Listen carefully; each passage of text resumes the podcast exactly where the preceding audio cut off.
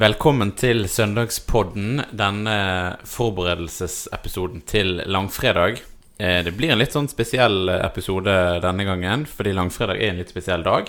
Eh, Så vi, blir, eh, vi skal lese teksten til slutt, eh, med en sånn vekselslesning eh, mellom oss. Eh, Og så skal vi liksom ta samtalen om teksten i forkant. Men før vi går inn i liksom samtalen og tekstlesningen, så eh, jeg har lyst til å snakke litt om langfredag og dens betydning og tradisjon, da. For det er jo en, som sagt, en veldig spesiell dag i påsken, og du får jo på en måte denne her litt sånn alvorstunge eh, dagen midt i en litt sånn en påskeuke med egentlig veldig, veldig mye som skjer. Alt fra liksom feiringen av Jesu inntog i Jerusalem og det som skjer de dagene mellom palmesøndag og skjærtorsdag og påskedag, som er liksom festdagen, da. Og så får vi denne ganske sånn tunge dagen eh, på slutt, eller midt i påskeuken. Eh, hva liksom tradisjoner er liksom knytta til langfredag, eh, sånn i historien? Ja, nei, eh, langfredag er en dag uten et komma. Veldig mange av klagesalmene i Salmenes bok, f.eks. Salme 13, de har jeg, Først 'Jeg er i nød', komma, men jeg vil prise Herren. Jeg eh, var i sorg, men Gud er god. Langfredag er en dag uten komma. Det er ikke en dag hvor man kan si Man kan ikke ta eh, oppstandelsen på forhånd og si ja, men Jesus er død, men Det er ikke noe komma. Det er endepunkt. Det er stopp. Gud er død. Det er ingen, ingen dag for eh, trøstende eh, liksom, tillegg. Det er en dag hvor å stå stille i sorgen og la det være det. Det er veldig fristende hele tiden å, å ta en slags snarvei fra skjærtorsdag til påskedagen. Og kanskje gjør vi det ofte, og kanskje gjør vi det fordi vi ikke orker å liksom bli stående der hvor det ikke fins noe tillegg. Ikke noe Men Jesus hjelper oss, eller men han sto opp. Men langfredag, den må beskyttes. Den skal få lov å være det. I Salmenes bok så er det Salme 88, den som er midt i en av de som er midt i Salmenes bok. Der fins det ikke noe sånn komma. Alt er mørkt. Alle vennene mine har forlatt meg. Jeg lider. Jeg er på vei mot dødsriket. Punktum. Det er Salme 88. Og det er langfredagen. Det er ikke en dag for å synge jublende lovsanger og ta påske, påskens glede på forhånd. Det er ingen dag for å forklare. Det er en dag for å stå stille i sorgen. Derfor så, Tradisjonelt så er jo langfredag en dag for den strengeste fastedagen i året. Og det er det? Uten tvil strengeste fastedagen i året. I hvilken grad, på en måte? Nei um, I Fisk. Vi har ofte fisk til middag, iallfall. Ja, nei, altså det er jo eh, alle, men, alle ulike kirkesamfunn og ulike tider har ulike liksom Ulike liksom ytre liksom Hva er faste? Men det er en fastens på en måte eh, holdning skal være synlig. Eh, for eksempel er det noen som, og det har jeg gjort en god del ganger, hatt en talefaste eller langfredag. langfredag. Jeg snakker ikke, med mindre det er noe nødvendig. Så det der med fisk, det var litt sånn Jeg spør ikke liksom hvordan går det med deg, Gyrid. Sånn kan man jo ikke når man lever og er familiefar. Det, jeg forstår jo det. Men det er også en dag noen, mange kler seg i svart. Mange eh, eh, Og det handler om å leve seg inn i dette. Det fins Vi er en menneskelighet der det fins en sorg som fortjener å dveles i. Vi skal ikke da alltid sette et komma. Det er krig i Ukraina, eller barna mine er døde. Komma. Men Gud er god. Ja, Gud er god, men, men nå skal vi ikke si det. Nå skal vi dvele her. Nå skal vi ned til bunn, og så skal vi spørre oss selv tør vi å stå der sammen med de som lider, sammen med Jesus, og være der. Derfor så er det ikke tillatt etter uh, gammel skikk da, å feire nattvær på langfredag. Det her har jo eh, blitt forandret litt eh, for steder hvor det er langt unna. Langt unna, eh, og jeg vet at i lutherske sammenhenger i noen, noen områdeperioder så har man faktisk hatt nattvær på langfredag. Men fra ordentlig gammelt av så er det liksom Det er den ene dagen i året hvor man aldri kan feire nattvær. Det fins ingen oppstandelse her nå. Det fins død. Og den døden skal vi være i. Jeg synes det, det du sier, er jo en fin utfordring, eh, syns jeg. Men jeg, jeg har nok ikke vært så flink til å markere dagen så, så sterkt. Men vi er jo vant med å bli med på en sånn eh, korsvandring her i Birkeland kirke på langfredag for barn. Og da, akkurat det der med for barn, så blir det liksom litt eh, Vi ender jo opp med at eh, Jesus blir lagt i grava der òg. Så det ender jo opp eh, litt tungt og trist. Men så har vi Vi har ofte bolle etterpå, eksempel. Altså, det er en eller annen uh, dobbelthet Altså, jeg syns det, det kan være litt krevende å, å være så mørk uh, med ungene, da. Absolutt. Og som jeg, som jeg tulla med deg før vi gikk på Du spurte meg liksom Ja, bør vi alle gå på eh, og faste og, og liksom uh, Eller er ikke det lov å være glad? Og da sier jeg liksom eh, Før man er konfirmant så, så kan man gjøre hva man vil. Kan man spise boller på langfredag. Altså, barna må vi, barna må vi eh, Men samtidig, jeg gjøre den høytid til. Men jeg tror barna Ja. også liker å se at det fins alvor i de Ja. voksnes liv. Og mange barn er liksom De holdes unna begravelser. 'Bestemor er død'. Ja, men vi skal ikke, 'Du skal ikke i begravelsen, for du skal ikke se'. Men, men det kan være en utrolig viktig lærdom. Og langfredag er som en begravelse. Eh, I hvert fall før begravelsen så står du ikke og vitser på trappa. Du gjør ikke det av respekt for selve begravelsen. Og så kan det faktisk bli ganske hyggelig i en begravelse, selv om man, selv om man er sørgelig. Og, og så kan man sikkert kose seg utover dagen. Men litt sånn er det vi skal i begravelsen til Jesus. Og, og, ehm, og vi tar det alvor. Vi forbereder oss. Vi tenker på det. Og vi kommer ikke Vi trøster ikke hverandre med, med plattheter. Eh, Alt vil bli bra. Hvis noen har mista barnet sitt i en ung og brå død, eller en 30 år gammel mann da har mista livet sitt, sånn som det er med Maria i, i langfredag Det ordner seg. Det er ikke der vi er. Nei. Og ved å feire det på langfredag, så både øver vi oss, og så inviteres vi inn i et rom som vi er i altfor sjelden. Det rommet øver oss i barmhjertighet til verdens lidelse og sår. Den gjør at kristne ikke kommer med å ja, noe forferdelig har skjedd, men Jesus er svaret ditt. Nei, Vi det- tror på påskedagens oppstandelse, men vi kan ikke eh, dele andres sorg hvis ikke vi tør å dvele i det. Og, og det å gjøre langfredag til en annerledes dag Det skal være en familiedag, og vi skal ha det hyggelig, for vi er mennesker. Men liksom å tenke litt sånn som hvordan ville det vært hvis bestefar var, skulle begraves, da. Kler oss i svart, tar på oss en fin dress. Vi, det er en annerledes dag, og vi, eh, vi er der, til stede. Um, og ja, for meg er langfredag liturgisk. Den er, en, en, eh, den er så viktig. Fordi på en måte påskedagen er jo på en måte den aller viktigste, men den har vi hver søndag. Hver eneste søndag er en påskedag. Hver eneste søndag feirer vi Jesu oppstandelse. Men langfredag, denne her salme 88 i Bibelen, som er annerledes enn alle de andre salmene, fordi den ikke har, den har ikke noe komma. Den er så viktig. Og uten den, det er den som på en måte frir oss fra lette svar, fra happy-clappy kristendom som ikke kan ta livets alvor innover seg.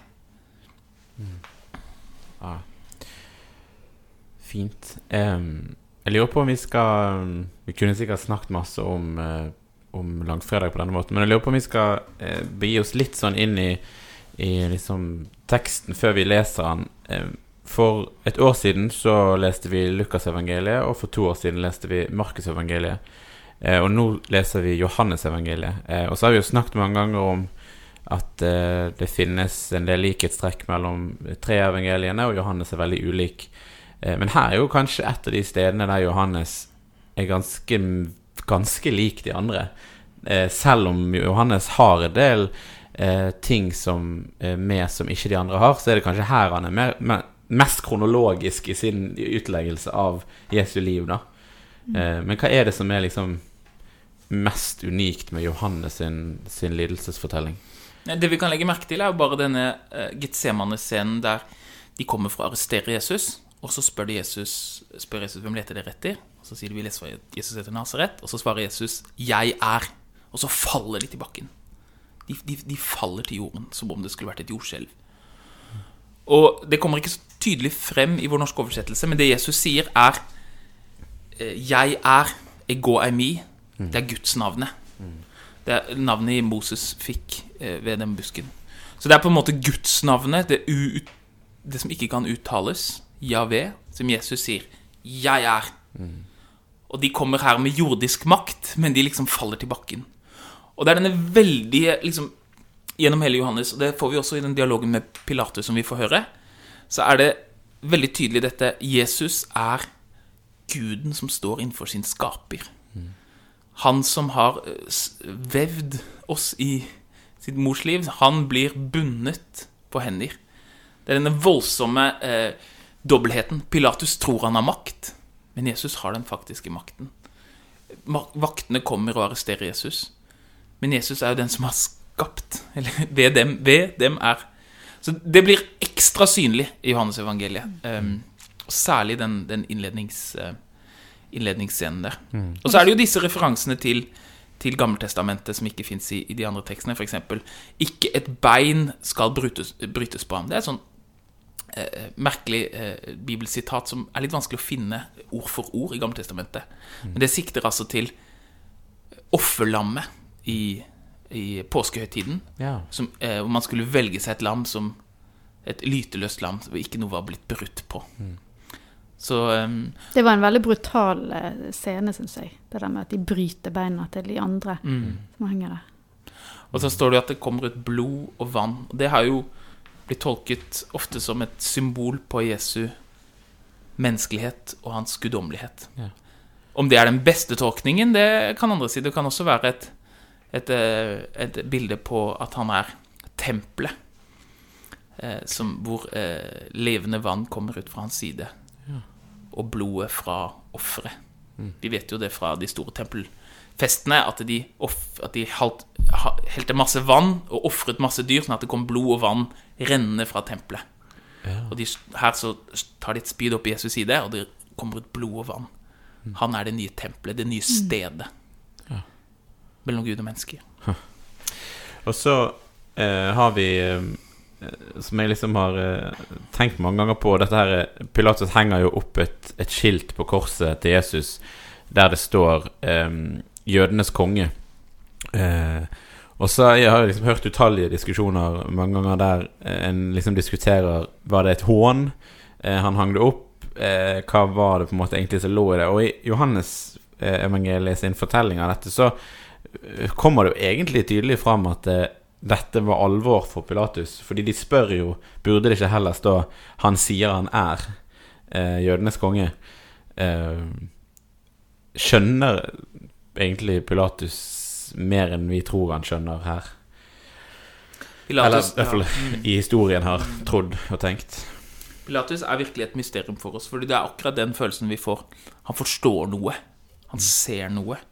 Men likevel, litt sånn som Peter, så blir han dratt med i et dragsug av mobben som har funnet seg sin syndebukk, som de har utvalgt, som sier Den personen skal vi samles om å hate og drepe. For den personen, ved å utstøtte den personen, så vil vi kunne forenes i et slags selvrettferdig fellesskap. Og det dragsuget fra det, fra majoriteten, fra den kompakte majoritet som Ibsen snakker om, liksom fra Satans kraft til å samle oss til mot den ene rettferdige, det kan ingen motstå. Ikke Peter med sin overentusiastiske 'jeg vil følge deg eh, til døden', og heller ikke Pilatus med sin eh, 'vi må da være rettferdige og greie'. Ingen av de kan motstå Satans kraft, bortsett fra Jesus selv. Og det er jo det som teksten vil på en måte hjelpe oss til å forstå. Det fins ingen utvei. Du må ikke tro at du hadde stått på Jesus sin side her. Dragsuget hadde dratt deg også med. Og du er en av de som Som eh, Du er en av de som var med og korsfestet Jesus. Det var ikke jødene som korsfestet Jesus. Ikke romerne. Det var meg.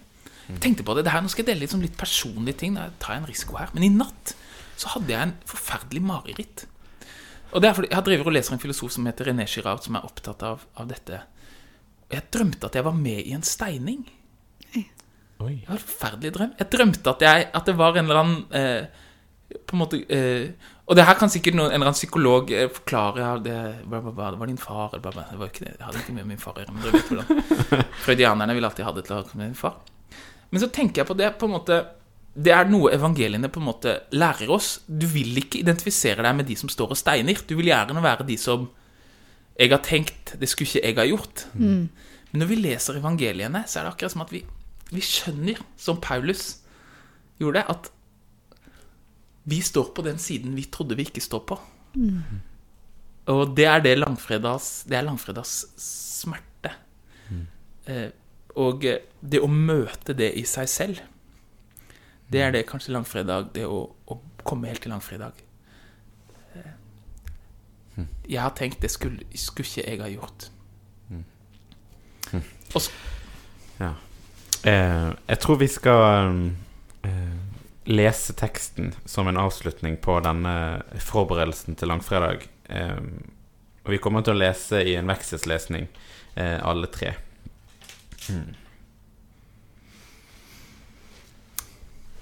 Da Jesus hadde sagt dette, gikk han ut sammen med disiplene sine.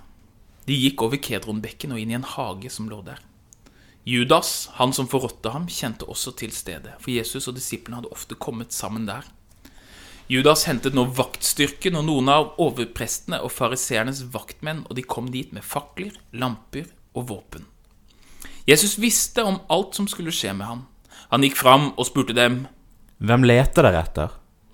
Jesus fra Nasaret. Det er jeg. Judas, som, han som forrådte ham, var også der sammen med dem. Da Jesus sa 'Det er jeg', rygget de tilbake og falt til jorden. Igjen spurte han, Hvem leter dere etter? Jesus fra Nasaret. Jeg har sagt dere at det er jeg. Leter dere etter meg, så la disse andre gå. Slik skulle det ordet bli oppfylt som han hadde sagt. Jeg har ikke mistet en eneste av dem du ga meg. Simon Peter hadde et sverd. Han trakk det, hogg etter øversteprestens tjener og kuttet det høyre øret av ham. Tjeneren het Malkos. Men Jesus sa til Peter, Stikk sverdet i sliren. Skulle jeg ikke tømme det begeret min far har gitt meg? Vaktstyrken, kommandanten og jødenes vaktmenn grep nå Jesus, bandt ham og førte ham til Annas. Førte ham først til Annas. Han var svigerfar til Kaifas, som var øversteprest det året. Det var Kaifas som hadde gitt jødene det rådet at det var best om ett menneske døde for folket. Simon Peter og en annen disippel fulgte etter Jesus. Den andre disippelen kjente øverstepresten. Han kom inn på gårdsplassen foran øversteprestens bolig sammen med Jesus, mens Peter ble stående utenfor ved porten. Disippelen som kjente øverstepresten, gikk ut og snakket med tjenes- tjenestejenta som voktet porten, så Peter fikk komme inn. Da sa tjenestejenta til Peter. Er ikke du også en av disiplene til denne mannen? Peter sa, Nei, det er jeg ikke. det var kaldt, og tjenerne og vaktene hadde tent et bål og sto og varmet seg ved glørne. Peter sto også og varmet seg sammen med dem. Øverstepresten spurte nå Jesus ut om disiplene hans og om læren hans. Jesus svarte, Jeg har talt åpent for hele verden.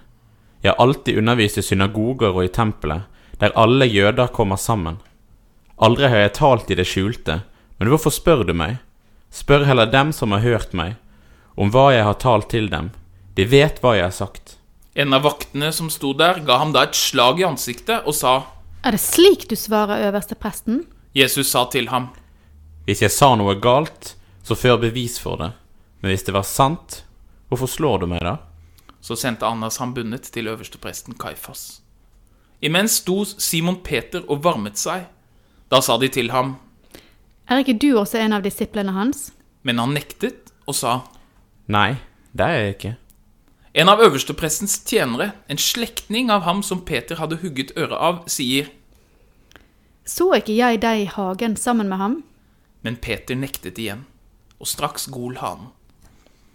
Så førte de Jesus fra Kaifas til landshøvdingens borg. Det var tidlig på morgenen. Selv gikk de ikke inn i borgen, de ville ikke bli urene, for da kunne de ikke spise påskemåltidet. Pilatus gikk da ut til dem og sa, Hva er anklagen som dere fremfører mot dette mennesket? de svarte, Var han ikke en forbryter, hadde vi ikke overgitt ham til deg. Ta ham dere, og døm ham etter deres egen lov. Vi har ikke rett til å ta livet av noen. Slik skulle det ordet bli oppfylt som Jesus hadde sagt da han ga til kjenne hva slags død han skulle lide. Pilatus gikk da inn i borgen igjen, kalte Jesus til seg og sa, Er du jødenes konge? Jesus svarte ham, Sier du dette av deg selv, eller har andre sagt det om meg? Er vel jeg jøde? Ditt eget folk og overprestene har overgitt deg til meg. Hva er det du har gjort? Jesus svarte, Min kongsmakt er ikke av denne verden. Var min kongsmakt av denne verden, hadde mine menn kjempet for at jeg skulle bli overgitt til jødene, men min kongsmakt er ikke herfra. Pilatus sa, Du er altså konge? Du sier at jeg er konge. For å vitne om sannheten er jeg født, og derfor er jeg kommet til verden. Hver den som er av sannhet, hører min røst. Hva er sannhet? Deretter gikk Pilatus igjen ut til jødene og sa til dem, Jeg finner ingen skyld hos denne mannen. Men dere har den skikken at jeg gir dere en, en fange fri til påske. Vil dere at jeg skal frigi jødenes konge? Da ropte de igjen, Ikke ham, men Barabbas. Men Barabbas var en røver. Pilatus grep nå Jesus og lot ham bli pisket. Soldatene flettet en krone av torner og satte den på hodet hans, og de la en purpurkappe om ham. Så trådte de fram for ham og sa, Vær hilset jødenes konge. og de slo ham i ansiktet. Pilatus gikk igjen ut av borgen og sa til jødene, Jeg fører ham nå ut til dere for at dere skal forstå at jeg ikke finner noen skyld hos ham. Så kom Jesus ut, og han bar tornekronen og purpurkappen. Pilatus sier til dem, Se det mennesket. Men da overprestene og vaktmennene fikk se ham, ropte de, Korsfest, korsfest! Pilatus sa, Korsfest ham dere, jeg finner ingen skyld hos ham. jødene svarte, Vi har en lov, og etter loven er han skyldig til å dø fordi han har gjort seg selv til Guds sønn. Da Pilatus hørte dette, ble han enda reddere. Han gikk inn i borgen igjen og sa til Jesus, Hvor er du fra? men Jesus ga ham ikke noe svar. Svarer du meg ikke? Vet du ikke at jeg har makt både til å gi deg fri og til å korsfeste deg? Jesus svarte, Du hadde ingen makt over meg dersom den ikke var gitt deg ovenfra. Derfor har han som har utlevert meg til deg, større skyld. etter dette ville Pilatus gi ham fri. Men jødene ropte, Gir du ham fri er du keiserens venn. Den som gjør seg selv til konge, setter seg opp mot keiseren. Da Pilatus hørte dette, førte han Jesus ut av borgen og satte seg i dommersetet som sto på et sted som heter Helleplassen, på hebraisk Gabata. Det var helgaften før påske, omkring den sjette time. Pilatus sier da til jødene, Se, her er kongen deres. men de ropte, Bort med ham, bort med ham, korsfest ham! Skal jeg korsfeste kongen deres? Vi har ingen annen konge enn keiseren. Da overga Pilatus dem Overga Pilatus Jesus til dem for at de skulle korsfestes. Så tok de Jesus med seg. Han bar selv korset sitt og gikk ut til stedet som heter Hodeskallen på hebraisk Golgata.